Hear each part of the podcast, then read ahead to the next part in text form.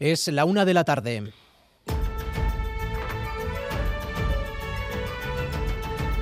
Crónica de Euskadi con Imanol Manterola. A Rachaldeón, hoy hay una pregunta fundamental que queremos responder. ¿Quién cuida de nosotros? Su casa tiene a alguien que requiera cuidados. Sí, ¿Quién? madre. ¿Y quién la cuida? Eh, yo. ¿No tiene hermanos? Eh, no, soy hija sola y me toca todo a mí, lo bueno y lo malo. Sí, mi hija. ¿Quién la cuida? Yo. Me cuidamos en casa. No, yo trabajo. ¿Cuidando a gente? Sí, gente mayores. Pues en todas las casas hay alguien. ¿A usted, por ejemplo, de usted cuida a alguien? Sí. ¿Quién cuida de usted? Pues esta señorita que tengo a mi lado. Hoy es 8 de marzo y el movimiento feminista de Euskal Herria reclamará esta tarde en las calles la necesidad de poner las vidas en el centro de non bizitza erdigunean, dice el lema de las manifestaciones de hoy, revolucionar los cuidados para cambiarlo todo. Sin embargo, esto no se va a limitar a lo de hoy. El movimiento feminista quiere dar un paso más y anuncia movilizaciones en los próximos meses que van a desembocar, atención, en una huelga general feminista. Lo han anunciado esta mañana en Bilbao. Natalia Serrano, adelante. Este 8 de marzo ha llegado a Euskal Herria con ese anuncio del movimiento feminista. Los gobiernos, a los políticos, sus reivindicaciones no estarán, dicen, un solo día este 8 de marzo en la calle. Comienza un proceso en el que todo el movimiento feminista va a tejer lazos con otros movimientos sociales, sindicales, van a llevar a cabo acciones y todo va a culminar en una gran huelga general feminista.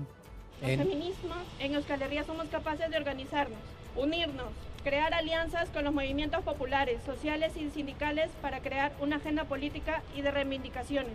No queremos más promesas vacías ni captaciones de nuestro discurso. Exigimos el derecho universal a los cuidados y de estos dejen de ser negocios. Por ello, caminamos hacia una huelga feminista general y este 8 de marzo es el primer paso. ¡Gora Borroca Feminista! Primer paso, paso sin fecha aún esa convocatoria. Luchan desde hoy, desde esta tarde en sus manifestaciones por situar los cuidados en el centro. Bueno, enseguida vamos a repasar las convocatorias de esta tarde, pero como avanzadilla esta mañana los sindicatos. Cuando se tiende a la privatización, los cuidados se quedan en la esfera privada, se familiarizan y se feminizan y toda esa carga de cuidados queda en, la espa- en las espaldas de las mujeres. Y aquí estamos las mujeres para decir alto y claro que nos plantamos, que nos plantamos, que no queremos ser cuidadoras por obligación y además sin derechos. Los sindicatos ELA y LAB se han movilizado sobre todo en Bilbao, también comisiones y UGT han celebrado este día, en su caso de forma conjunta, y una de las imágenes del día la hemos recogido en Bayona. Allí este 8M se ha visto entremezclado con las protestas en contra de la reforma de las pensiones. Esta mañana hemos visto además barricadas en el puerto de Bayona. Los trabajadores portuarios han vuelto a parar después de la gran huelga de ayer contra la reforma de las pensiones. Horas después, una gran manifestación por el 8M ha recorrido las calles de la capital abortana.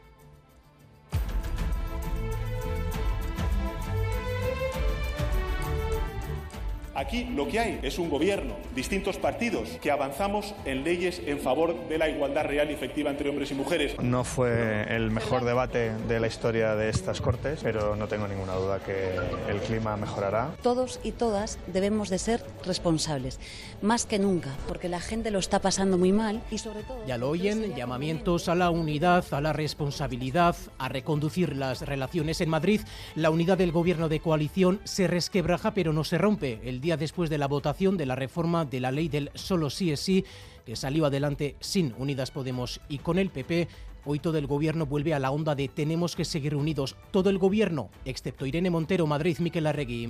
Sí, los socios de coalición viven sus horas más tensas, aunque hoy PSOE y Unidas Podemos optaban por empezar a reconducir la situación. Sánchez decía que los dos partidos transitan por el mismo camino, palabras conciliadoras compartidas por Félix Bolaños o Yolanda Díaz, pero que contrastan con Irene Montero, que hoy volvía a afear al PSOE el haber votado ayer junto al PP. Lo que está en riesgo no es el gobierno de coalición, son los derechos de las mujeres y por eso vamos a trabajar para que el consentimiento siga en el centro del Código Penal. Por separado, los ministros del PSOE y Unidas Podemos acudirán esta tarde a la manifestación. Habrá que ver cómo responde el movimiento feminista a la polémica abierta con la reforma de la ley del solo si es. Y en lo económico, toque de atención de la Comisión Europea a los 27. Les avisa que en breve se va a acabar la relajación de las reglas fiscales. Óscar Pérez. Después de tres años suspendidas por los efectos de la pandemia, la Comisión pide a los gobiernos europeos que preparen ya sus estrategias para reducir el déficit y la deuda, de modo que logren que el desvío de las cuentas públicas quede por debajo del 3% como tarde en 2026 y la deuda recupere una senda descendente. Todavía se está perfilando el diseño del futuro pacto de estabilidad, pero el próximo ejercicio estará marcado por la vuelta de los límites del 3% del PIB para el déficit público y del 60% en el caso de la deuda, por lo que Bruselas reclama a los países que vayan preparando ya sus nuevas políticas fiscales. Y en la información cultural hoy destacamos el nombre de Margarita de Navarra, reina humanista y escritora feminista del siglo XVI. Será la protagonista de la charla concierto que este sábado le dedicará la Coral de Cámara de Navarra en Pamplona. 40 voces femeninas de la agrupación Heptamerón homenajearán a esta reina que convirtió su corte en todo un referente en Europa y que inspiró al propio Shakespeare. Pilar del Valle será la encargada de guiar este viaje biográfico musical en torno a su figura. Es una época interesantísima, una corte muy destacada, una figura imprescindible que realmente creemos que no ha recibido la atención debida en la parte sur, en la parte peninsular de Navarra el concierto será en el Casino Principal de Iruña con entrada gratuita hasta completar aforo. Vamos ahora con los titulares del deporte. Álvaro Fernández Cadierno, Arrachaldeón. Hola Arrachaldeón, en clave ya de Europa League con la Real que pondrá rumbo a Roma a las 3 de la tarde después de haber trabajado esta mañana en Zubieta. Noticia también de Copa porque el Atlético Sasuna se adelanta una hora.